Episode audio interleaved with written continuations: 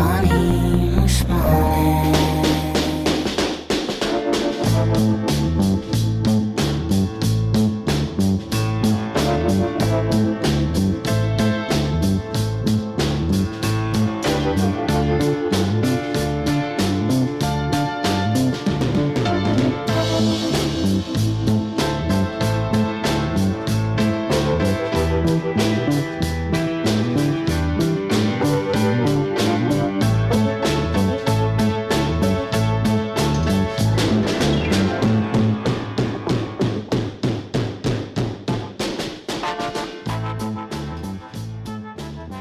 שמח לכם.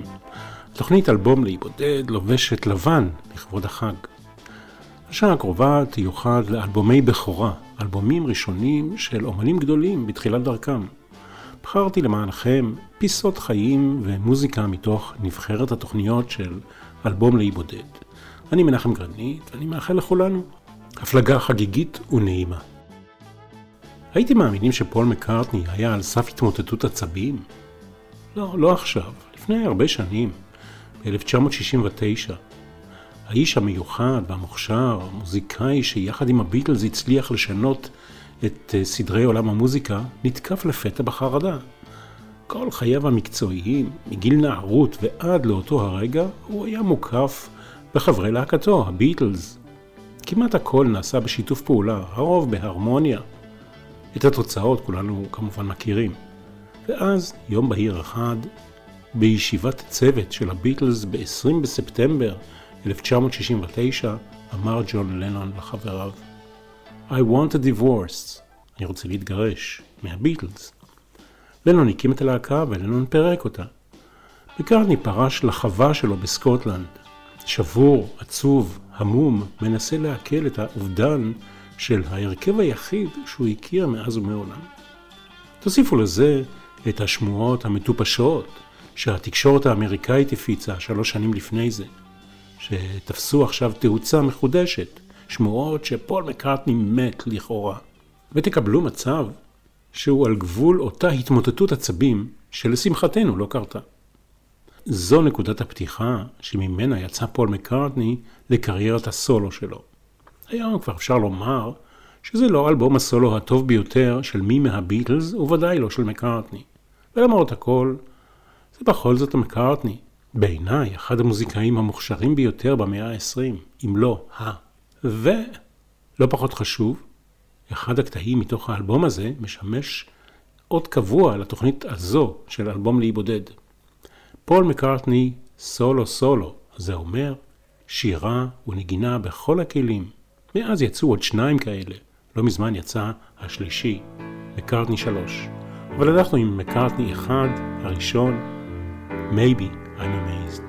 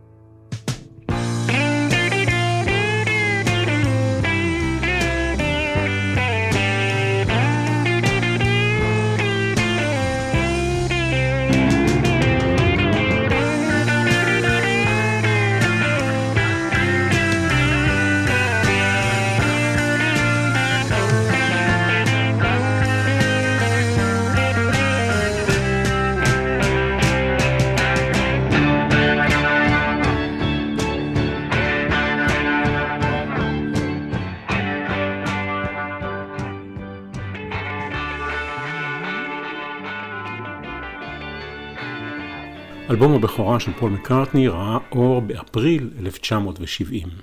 במשך שישה עשורים חשף ליאונרד כהן את נשמתו לעולם באמצעות המילים והשירים שלו. האנושיות העמוקה והנצחית שלו נגעה בליבנו. המוזיקה והמילים יהדהדו בנשמתנו לנצח. כך נאמר כאשר הכניסו את ליאונרד כהן להיכל התהילה של הרוקנרול. האי הבודד שלנו עובר עכשיו להידרה, אי יווני מיושב. לאי הזה היגר בצעירותו ליאונרד כהן כדי להתבודד ולכתוב ספרי שירה וסיפורת. זה קרה בשנות ה-60 של המאה הקודמת. תחילה הוא שכר שם דירה בעלות של 14 דולרים לחודש, ואחר כך קנה שם בית. ליאונרד כהן היה זקוק ללבד, לבדידות ולמיקום הפסטורלי הזה כדי לשאוב ולקבל השראה. מריאן הייתה האישה היפה ביותר שליאונרד כהן פגש מעודו. הם נפגשו על האי היווני הזה, הידרה. היא הייתה נורבגית. בעלה היה הסופר הנורבגי אקסל ינסן, והוא נטש אותה כשהיא חובקת תינוק בן שישה חודשים. מריאן ולאונרד היו זוג במהלך שנות ה-60 כשהם נעים בין קנדה, ארה"ב והאי היווני הידרה. ליאונרד כהן הקדיש למריאן ספר שירה, את ספר השירה השלישי שלו, Flowers for Hitler. היא שימשה השראה לשירים רבים נוספים שלו, ביניהם Like a Bird on a Wire. מריאן נפטרה בבית חולים באוסלו ביולי 2016 בגיל 81. ליאונרד כהן כתב לה, היי שלום חברה ותיקה, אהבתי האינסופית. אני כל כך קרוב אלייך, שאם תושיטי ידך, תוכלי להגיע אליי. ניפגש במורת הדרך.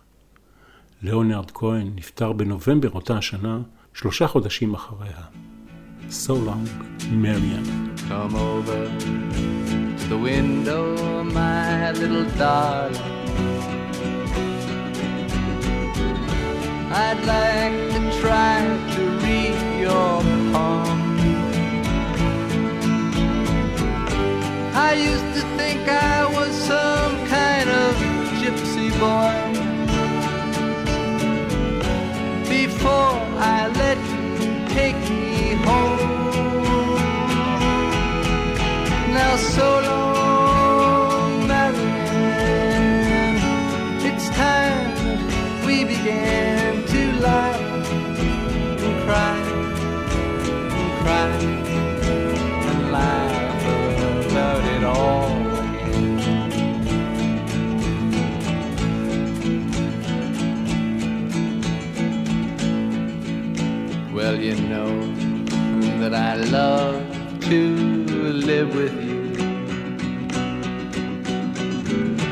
But you make me forget so very much.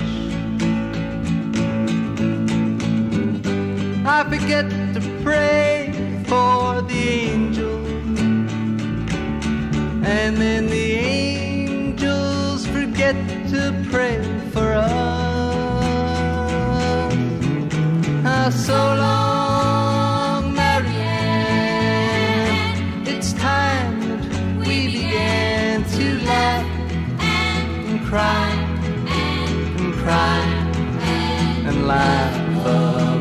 it all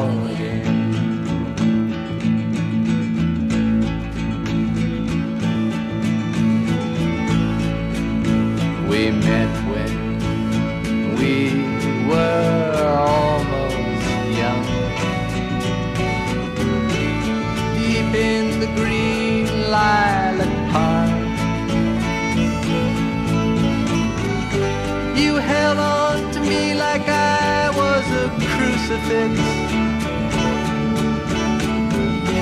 As we went kneeling through the dark.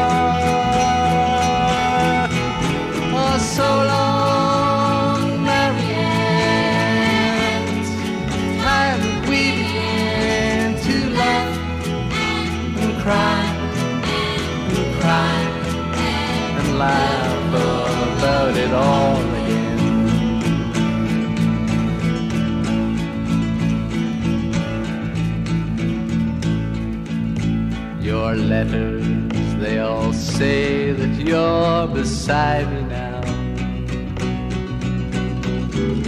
Then why do I feel alone? I'm standing on a ledge and your fine spider web is fastening my ankle to a stone. Now so long. To laugh and cry and cry and laugh about it all.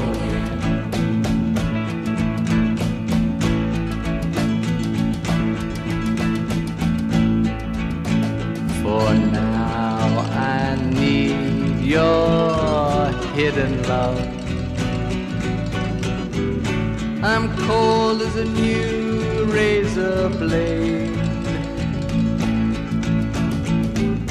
You left when I told you I was curious. I never said that I was brave. Oh, so long, Marianne. It's time we began to laugh and laugh about it all.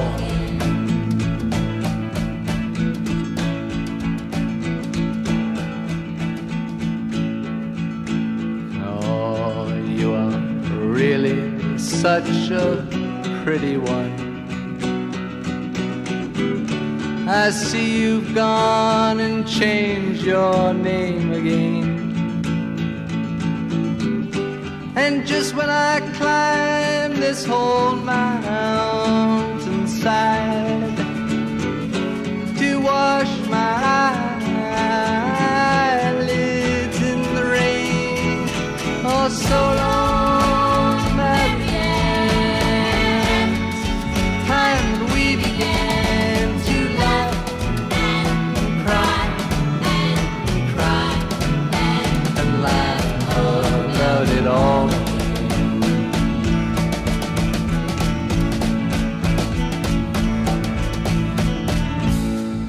אלבום הבכורה של ליאונרד כהן ראה אור בשנת 1967. הוריה של טרייסי צ'פמן התגרשו כשהיא הייתה בת ארבע.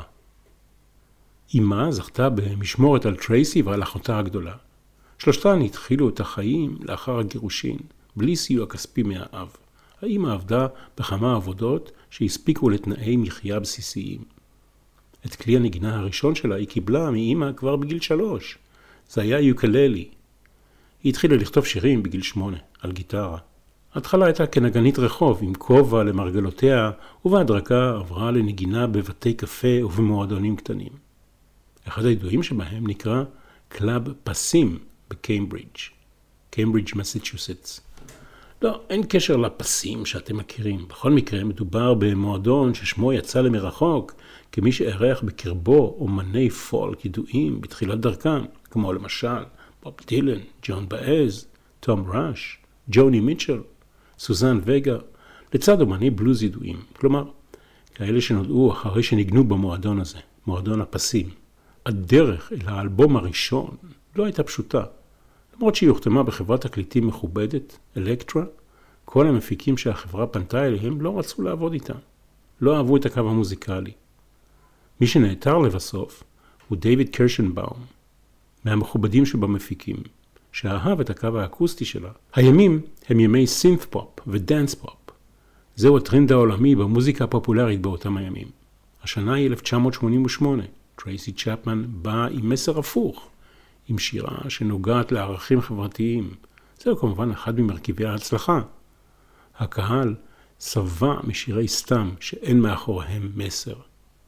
החיים שתמיד רציתי, אני מניחה שלעולם לא יהיו. אני אעבוד עבור מישהו אחר עד שאקבר. החלום על חיי מותרות ועל הררים של דברים. תהיה לי מכונית גדולה, יקרה, והפרוות שאלבש ייגררו על הרצפה. תהיה לי משרתת שתדאג לכל מחסורי. כולם יסתכלו עליי בקנאה, ואני אתענג בהנאה על הררים, הררים של דברים. Mountains of Things, טרייסי צ'פמן, מתוך אלבום הבכורה שלה, שראה אור ב-1988.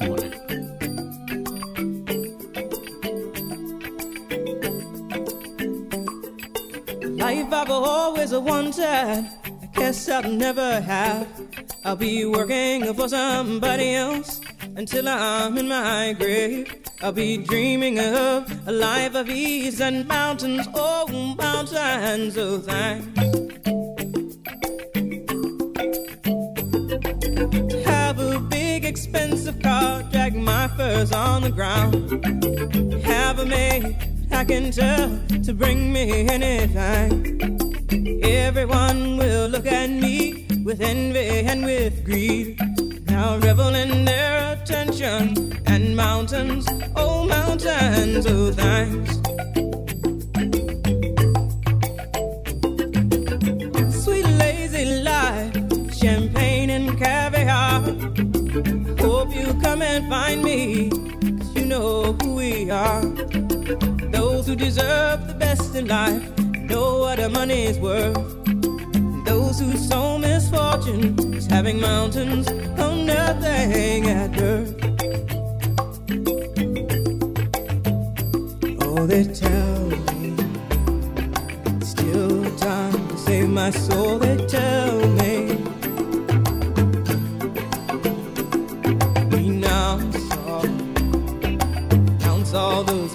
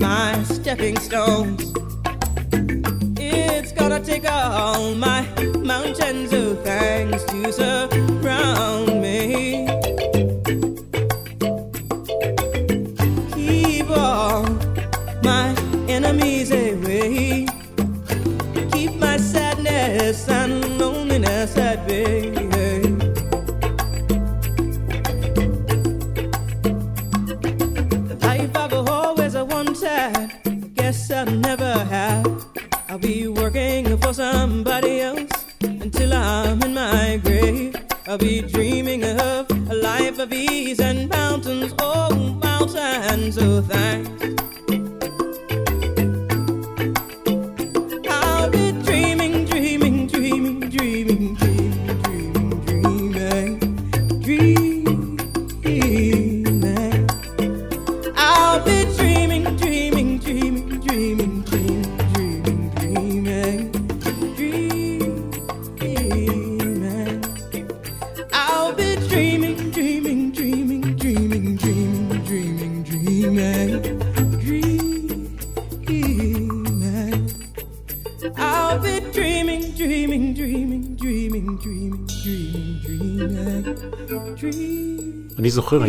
ההרגשה, למרות שעברו כבר למעלה מארבעה עשורים.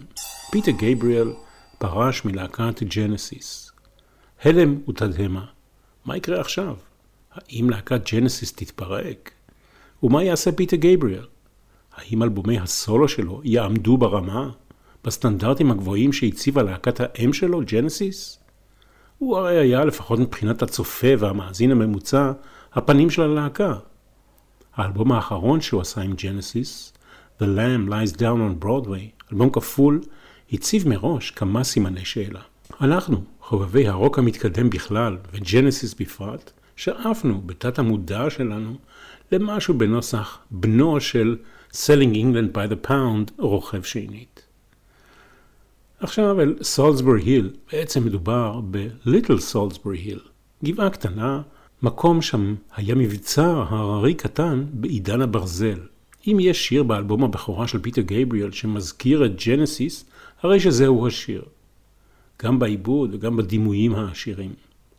הנה כמה סיבות שבגללן סולסברי היל הוא אחד השירים הגדולים של כל הזמנים, כך לדברי הרולינג סטון האמריקני. קצב לא שגרתי של שבעה רבעים, פעימת הלב של הטוף ברקע, שהוא בעצם מקל טיפוף הנותן את הקצב בהקשה על ספר טלפונים. כן, פעם היה דבר כזה. המרקם העשיר של הגיטרות האקוסטיות וארבעת צלילי החליל הפותחים כל בית ובית. תמונת הנוף הנגלית לפניך כבר בשורות הראשונות. גם אם לא היית שם מעולם, הרי השורות האלה מציבות אותך בשטח. Climbing up on Salisbury Hill, I could see the city light. Wind was blowing, time stood still, eagle flew out of the night. שורת פעימות הלב החוזרת בכל שלושת הבתים, My heart going boom, boom, boom.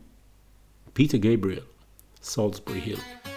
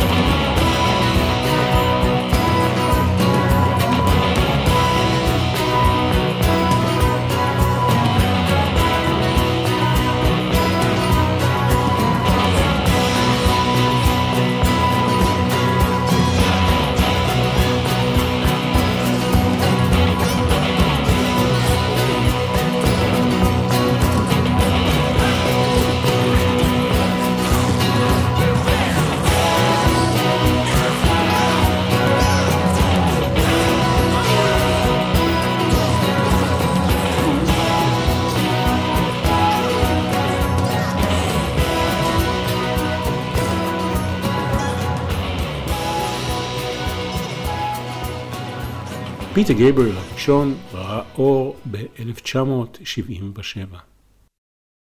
1954, 17 ביולי, הופעה ראשונה של אלוויס פרסלי.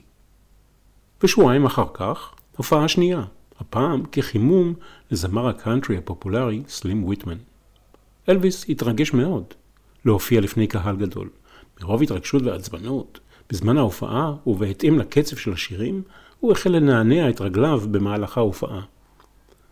המכנסיים הרחבים שהוא לבש הדגישו את התנועות העצבניות שלו וגרמו לנשים הצעירות בקהל להתחיל לצרוח באקסטזה. אלוויס תפס את הפרינציפ וחיש מהר אימץ את סגנון ההופעה הזה. במהלך קטעי הסולו האינסטרומנטליים הוא היה מתרחק מעט מהמיקרופון ומנענע את רגליו וירכיו והקהל פשוט התפרע. אלוויס הופיע פעם אחת ויחידה בגרנד אול אופרי, משכן הקבע של מוזיקת הקאנטרי האמריקנית בנשוויל, טנסי. זה היה באוקטובר אותה השנה, 1954. המנהל של האתר הבהיר למנהל של אלוויס פרסלי שהזמר שלו הוא לא רע, אבל הוא לא מתאים לתוכנית ולמקום. לתחנות הרדיו הייתה בעיה לשדר את אלוויס פרסלי. תערובת הסגנונות שבה הוא שר הקשתה על התחנות, תחנות הרדיו בדרום ארצות הברית, למצוא לאלוויס מקום בלוח השידורים שלהם. תחנות הקאנטרי לא שידרו אותו כי הוא נשמע כמו זמר שחור, ואילו תחנות הרית'ם אנד בלוז לא נגעו בשירים שלו כי הוא נשמע יותר מדי כמו זמר הילבילי, כלומר תערובת של קאנטרי לבן קצבי כזה. התערובת הזאת נודעה באותם הימים כרוקבילי. בעקבות אחת מהופעותיו הראשונות של אלוויס בערוץ טלוויזיה אמריקאי, אל נוכח פני האומה, כשהוא מפגין בנוסף לשירה שלו גם את נענועי הירכיים על הבמה, אמרו עליו העיתונאים. המוזיקה הפופולרית הגיעה עם אלוויס פרסלי לשפל המדרגה. אלוויס שמנענע את האגן שלו, העניק בהופעתו תצוגה וולגרית, משולבת בסוג של חייתיות שצריכה להיות מוגבלת לבתי בושת. כל זאת לפני שהמציאו את המונח רוקנרול, ולפני שהופיע אלבום הבכורה של אלוויס פרסלי בחודש מרץ 1956. Blue Suede Shoes, אלוויס פרסלי. Well, it's one for the money, two for the show, three to get ready. Now go, cat, go, but don't you step on my blue suede shoe. Well, you can do anything but stay over my blue suede shoe. Well, you can knock me down, step in my face, slander my name all over the place. Well, do anything that you wanna do, but uh, uh, honey, lay off them shoes and don't you step on my blue suede shoe. Well, you can do anything but stay over my blue suede shoes. Let's go, cat.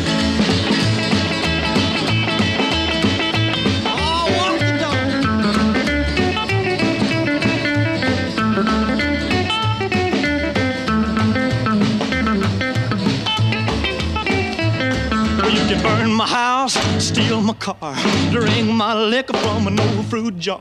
Well, do anything that you wanna do, but uh, uh, honey, lay off of my shoes and don't you step on my blue suede shoe. Well, you can do anything but lay over my blue suede shoe. Rock it.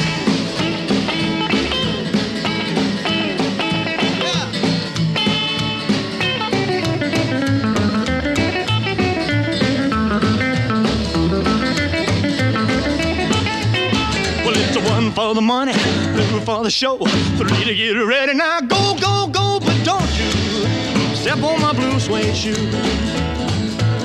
Well, you can do anything but stay over my blue suede shoe. Well, it's blue, blue, blue suede shoes. Blue, blue, blue suede shoes. Yeah! Blue, blue, blue suede shoes, baby. Blue, blue, blue suede shoes. Well, you can do anything but stay home for my blue suede shoes. השנה היא 1977, קיץ. בבריטניה מתחוללת מהפכה, מהפכת הפאנק. כל מה שמסחרי, ממסדי, נעים לאוזן, הגיוני, כבר לא שווה. צעירי בריטניה צובעים את שערם בצבעים פסיכדליים, מסתפרים כמו אינדיאנים, סיכות ביטחון בלחיים ובאוזניים. הסקס פיסטולס שולטים בכיפה, סטרנגלרס, באזקוקס, ג'ם, ובאמריקה הרמונס. ב-17 באוגוסט באותה השנה, אלוויס מת. אלוויס פרסלי. חודשיים לפני כן יוצא אלבום הבכורה של אלוויס אחר, אלוויס קוסטלו. הוא לא דומה לשום דבר אחר, לא ממש פנקיסט, לא צורח ולא מנגן בלי לדעת לנגן. דומה קצת לבאדי הולי עם משקפי קרן שחורות ובולטות. אפשר להצהיר בוודאות, אחד האומנים הייחודיים שהצליחו להצליח בתקופה הסוערת הזו, ולהטביע חותם ולהישאר בתודעה. את השיר הבא מתוך האלבום הבכורה שלו הוא כתב בעשר דקות, תוך כדי נסיעה ברכבת התחתית. מכיוון שלא היה לו מכשיר הקלטה, הוא ירד חיש מהר מהרכבת, רץ לבית של אימא שלו, לקח את אחת הגיטרות הישנות שלו, וניגן לעצמו, חזור ונגן את השיר, עד שהוא נחרט היטב בזיכרון. The angels wanna wear my red shoes.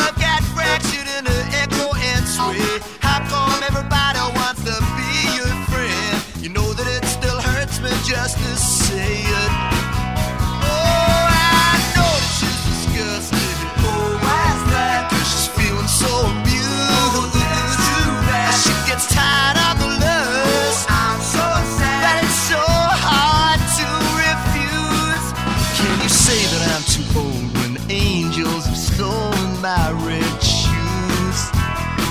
Oh, I said I'm so happy I could die.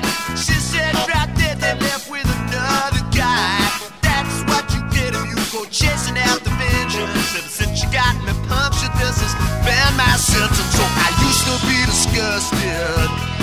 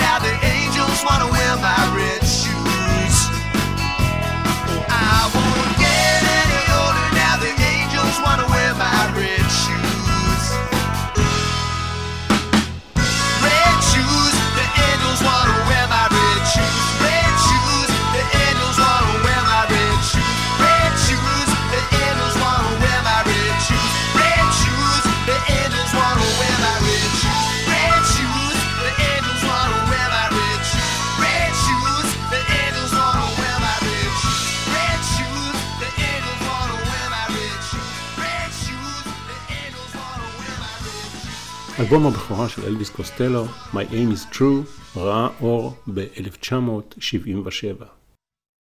הוא בא ממשפחה דתית נוצרית מאמינה, פרוטסטנטית, הילד השלישי בין 12 אחים ואחיות. הוא נולד בדרום החם של ארצות הברית, במייקון, ג'ורג'יה. אבא שלו היה פועל בניין וגם מבריח משקאות אלכוהוליים בתקופת היובש באמריקה. הכנסייה היא זו שעיצבה את ראשית חייו. המשפחה הייתה דתית מאוד. שני דודים וסבא אחד היו מטיפים בכנסייה. ההשפעה הייתה כל כך משמעותית עד שליטל ריצ'רד שקל בראשית הדרך להיות מטיף. הקולות שהשפיעו עליו היו קולותיהם של זמרי גוספל. בנעוריו הוא היה משלים הכנסה כמוכר קוקה קולה באודיטוריום של מייקון. הוא הושפע במיוחד ממהליה ג'קסון ומסיסטר רוזטה ת'ארפ, שהייתה זמרת גוספל ידועה באותם הימים. סיסטר רוזטה ת'ארפ, שאותה הוא העריץ, שמעה ערב אחד מאחורי הקלעים, לפני ההופעה שלה באודיטוריום, נער בן 14, ששר את שיריה. היא הציעה לו, לליטל ריצ'רד, לעלות לבמה ולפתוח את ההופעה שלה. וגם שילמה לו על כך בנדיבות. זה היה הצעד הראשון.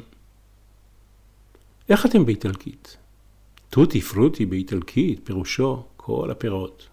טוטי פרוטי, ליטל ריצ'רד, מתוך אלבום הבכורה שלו, Here's Little Richard, השנה היא 1957. Wop bom balloon bom bom bom bom to the boot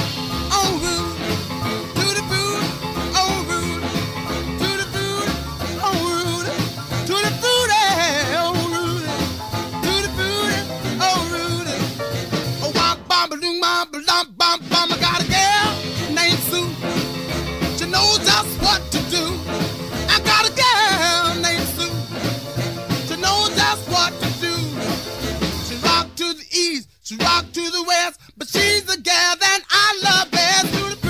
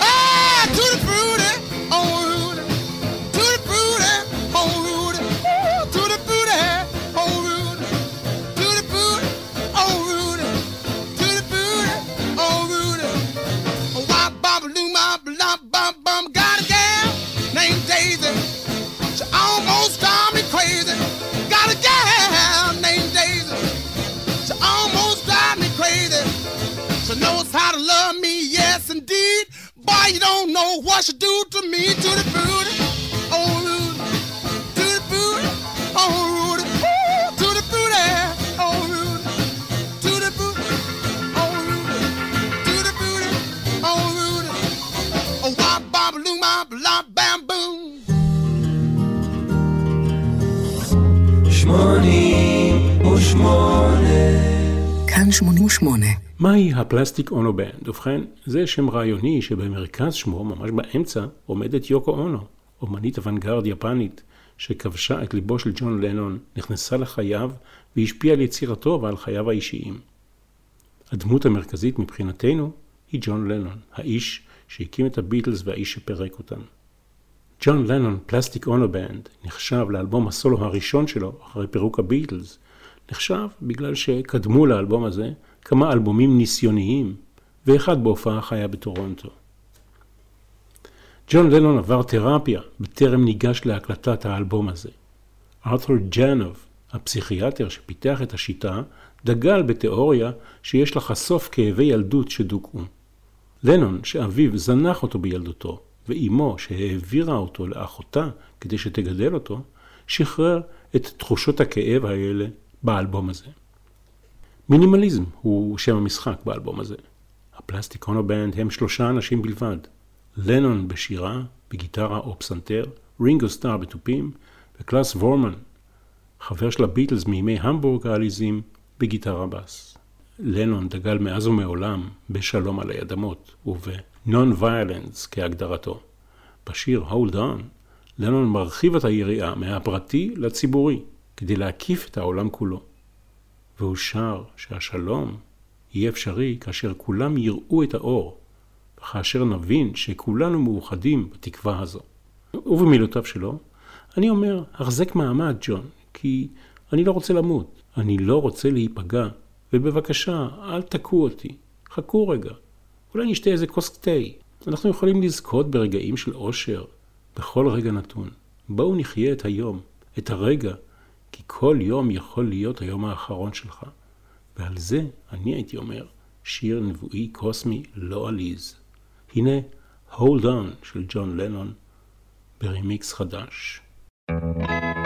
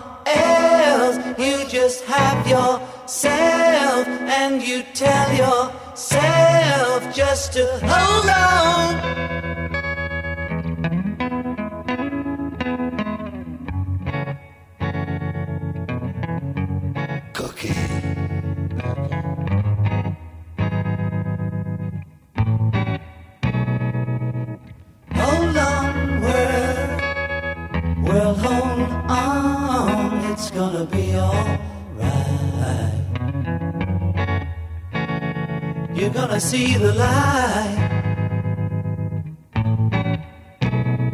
Oh, and when you're one, really one, well, you get things done like they've never been done. So hold on. ג'ון לנון, פלסטיק אונו בנד, אלבום הבכורה, ראה אור בדצמבר 1970. מוקי בליילוק הוא שמו של שחקן כדורסל ב-NBA, שחקן עבר ששיחק במשך 13 עונות בשלוש קבוצות ידועות, ניו ג'רזי נטס, אטלנטה הוקס וגולדן סטייט ווריורס. מסתבר שלהקת פרל ג'אם, לפני שנקראה פרל ג'אם, החליטה לקרוא לעצמה מוקי בליילוק, על שם השחקן שאותו הם העריצו. מכיוון שמבחינה חוקית זה לא התאפשר, נאלצו חברי הלהקה לשנות לפרל ג'אם.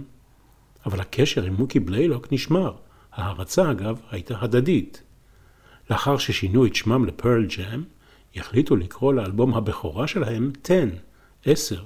זה היה מספר הגופייה של מוקי בליילוק בניו ג'רזי נטס. השיר ג'רמי שואב את השראתו העיקרית ממאמר בעיתון על ילד בן 16 בשם ג'רמי וייד דל מריצ'רדסון, טקסס, שירה בעצמו בתוך הכיתה אל מול המורה שלו ולפני 30 תלמידי הכיתה. זה קרה בבוקרו של ה-8 בינואר 1991. באותו הבוקר ג'רמי איחר לשיעור. המורה ביקשה ממנו לעבור דרך המזכירות ולהביא אישור על איחור.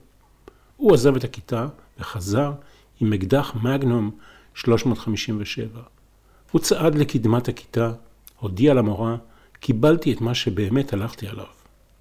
הכניס את הנשק לפיו ולחץ על ההדק, לפני שמורתו או חבריו לכיתה יכלו להגיב.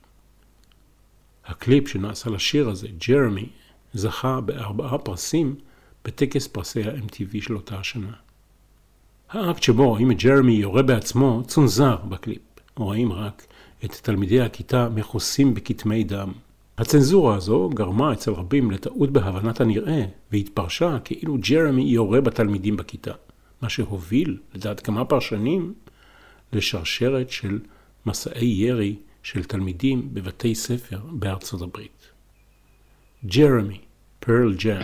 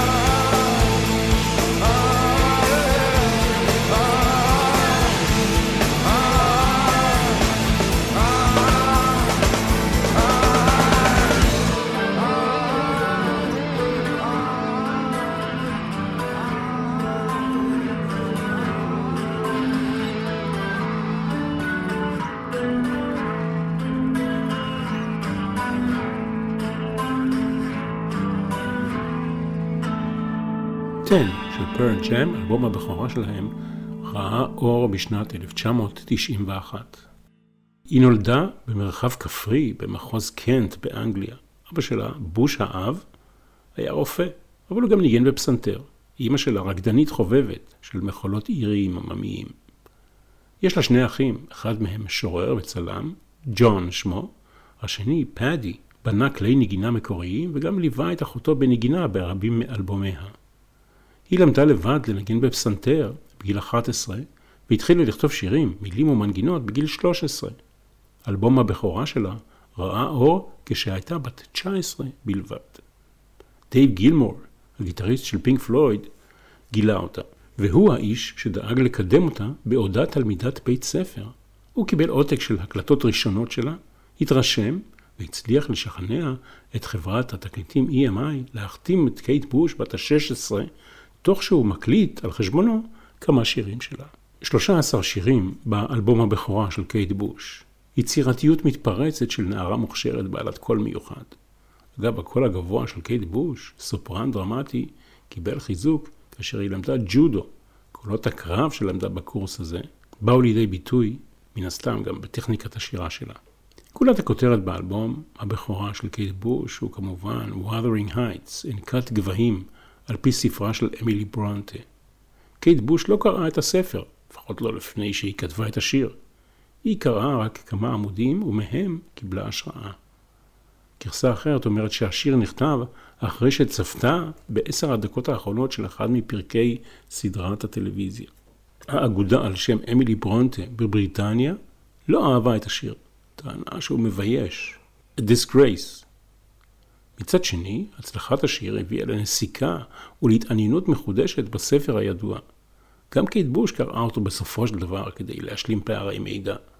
ועוד פרט מרתק, הקלטת השירה נעשתה בטייק אחד, בלי הכפלות, בלי תיקונים ובלי ניסיונות חוזרים. Wuthering Heights, קייט בוש, מתוך אלבום הבכורה שלה, The Kick Inside, 1978. עד כאן אלבומי בכורה לאי בודד. אני מנחם גרנית, רוצה לאחל לכם חג שמח וימים טובים ורגועים. Could you leave me when I